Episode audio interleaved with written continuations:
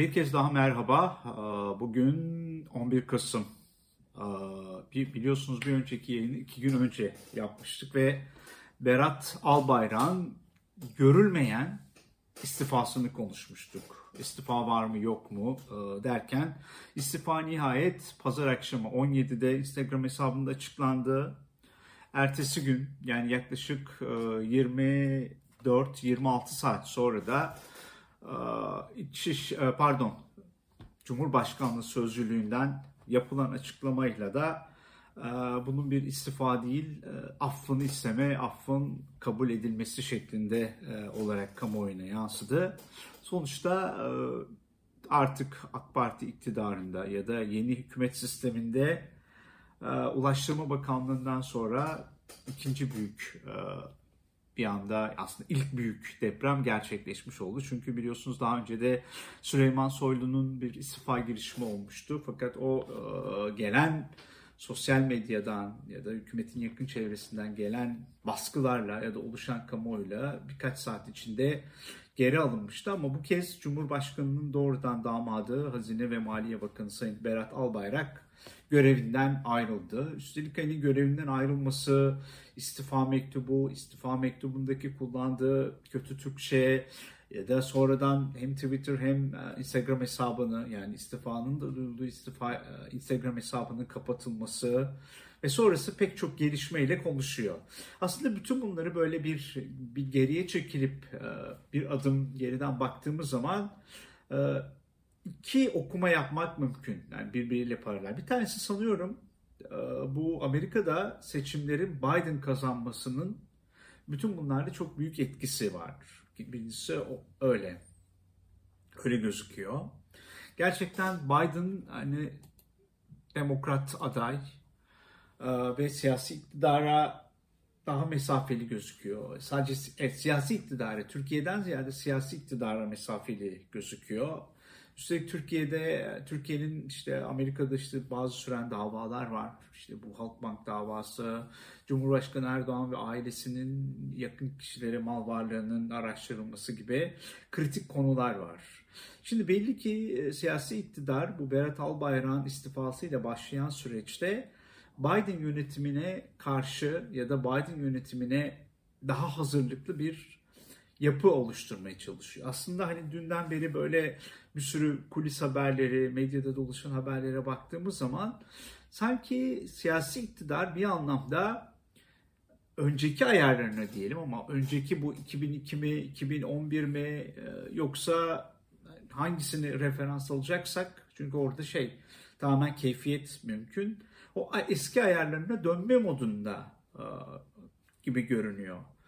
Yani baktığımız zaman hani gündemde işte bugün yarın gerçekleşecek büyük olasılıkla kabine değişikliği söz konusu. Berat Albayrak'ın dışında Çevre ve Şehircilik Bakanı, Milli Eğitim Bakanlığı, Aile ve Sosyal Politikalar Bakanı, Dışişleri Bakanı'nın değişmesi de mümkün.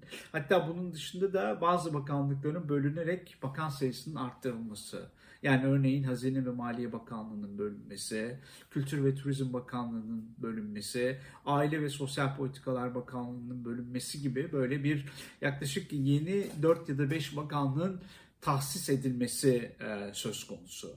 Oysa bu yeni hükümet sistemine geçildiği zaman tam da aslında bütün bu e, ben o zaman hatırlıyorum cezaevindeydim. Bütün bu şemalar yayınlandı. Yeni devletin yönetim sistemi. Hani 15 tane masa var, çalışma birimleri vesaire böyle çok profesyonel, çok teknik e, mesele olarak açı, algılanmıştı ve bunun için hazırlıklar yapılmıştı.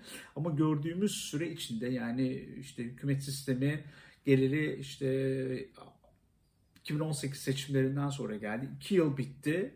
İki yıl içinde de aslında bu sistemin Türkiye için ne kadar e, uygun olmadığını, sonuç, hem siyasi sonuçlarını hem de ekonomik sonuçlarını gördük. Dolayısıyla da hükümet bir anlamda böyle eskiye dönmek istiyor ya da eskiyi arıyor. Ama şu da bir gerçek ki bugünkü yapısıyla yani bugünkü yönetim sistemiyle yani büyük hükümet sistemiyle hukuki olarak ikincisi de AK Parti'nin Cumhurbaşkanı Erdoğan'ın e, bu yönetim anlayışıyla yani bu otoriter tekçi yönetim anlayışıyla AK Parti'nin eski AK Parti olmasının bir imkanı yok. Şimdi şöyle bir şey var ben bunu hani sık sık yorumlarda yapıyorum. AK Parti gerçekten parti mi bugün yoksa bir şirket mi? Şimdi baktığımız zaman evet AK Parti'de siyasi bir parti olarak bahsedebiliriz hukuki açıdan. Ama işleyiş açısından baktığımız zaman bir siyasi partiden çok bir şirket e, görünümü var ve ben bu tespiti neredeyse 2014'ten beri yapmaya çalışıyorum. Hatta bu açıdan da Cumhurbaşkanı Erdoğan'ın bu AKP'deki rolü yani genel başkanlık rolü bir aslında o şirket gibi tasavvur ettiğim zaman bir CEO gibi yani bir yönetici pozisyonunda. Dolayısıyla da AK Parti'nin yeniden siyasi parti olması yani aile şirketinden kurtulup siyasi parti olmasının birinci koşulu bir var olan yönetim sistemini e, yap, yapısı olarak değiştirmek. İkincisi tabii ki bu yönetim anlayışından kurtulmak. Şimdi bu ikisi aynı anda mümkün mü? Ya da her biri teker teker mümkün diye baktığımız zaman burada bir, bir tercih var. Bütün mesele bu tercihin bu tercihin yapılıp yapılmayacağında e, bana sorarsanız yani benim kendi fikrim ben bunun çok kolay olduğunu düşünmüyorum açıkçası. Yani ancak bazı çıkış garantileri ya da bir takım hukuki e, garantiler alındıktan sonra bir böyle büyük bir değişimin AK Parti tarafından yapılabileceğini düşünüyorum açıkçası.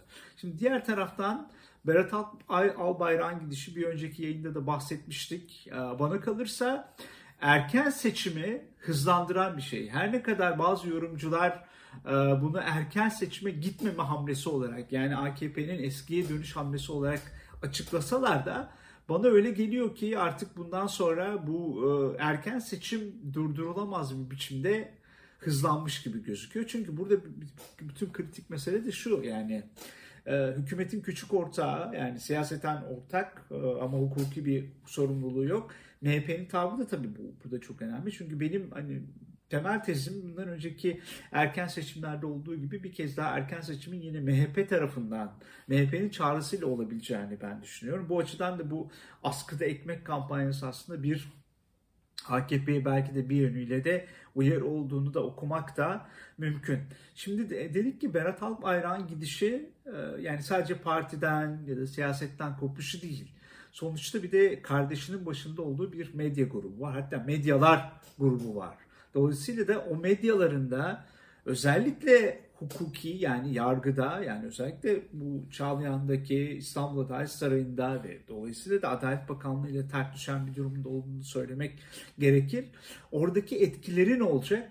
O da bir merak konusu. Yani ben e, Serhat Albayrak'ın da yani Sayın Berat Albayrak'ın kardeşi Serhat Albayrak'ın yani bu e, Sabah ATV grubu ve diğer medya gruplarının yöneticisinin bundan sonraki pozisyonunun ve bu gazetelerin, bu medyaların da duruşunun da nasıl olacağını merak ediyorum. Elbette bu, bu medya yayınları kurumsal olarak yine siya, siya, siyasi iktidardan yana durabilirler. Ama artık Serhat Albayrak orada durabilir mi? Ya da Serhat Albayrak'ın e, özellikle hani bu yargı vesaireyle olan ilişkileri ya da hani bu e, nasıl olur? Bütün bunlar da aslında baktığımız zaman Berat Albayrak'ın gidişi sadece bir Berat Albayrak'ın gidişi değil, böyle bir domine etkisi yapan bir e, gelişmelerinde e, başlangıcı olabilir. Nitekim dün gece bir haber e, yayınlandı. İşte Oda TV yaptı sanıyorum. Biliyorsunuz bu e, Medipol Üniversitesi'nde Selman Öğüt var. Bu siyasi iktidara çok yakın. E, ondan sonra ve onun da Medipol Üniversitesi'nden kovulduğu haberi düştü. Ondan sonra yine bu Hakan Atilla'nın e, gerçi yalanlandı ama Hakan Atilla'nın e, borsanın başındaki biliyorsunuz kendisi Amerika'da bu Halkbank davasının nedeniyle tutukluydu.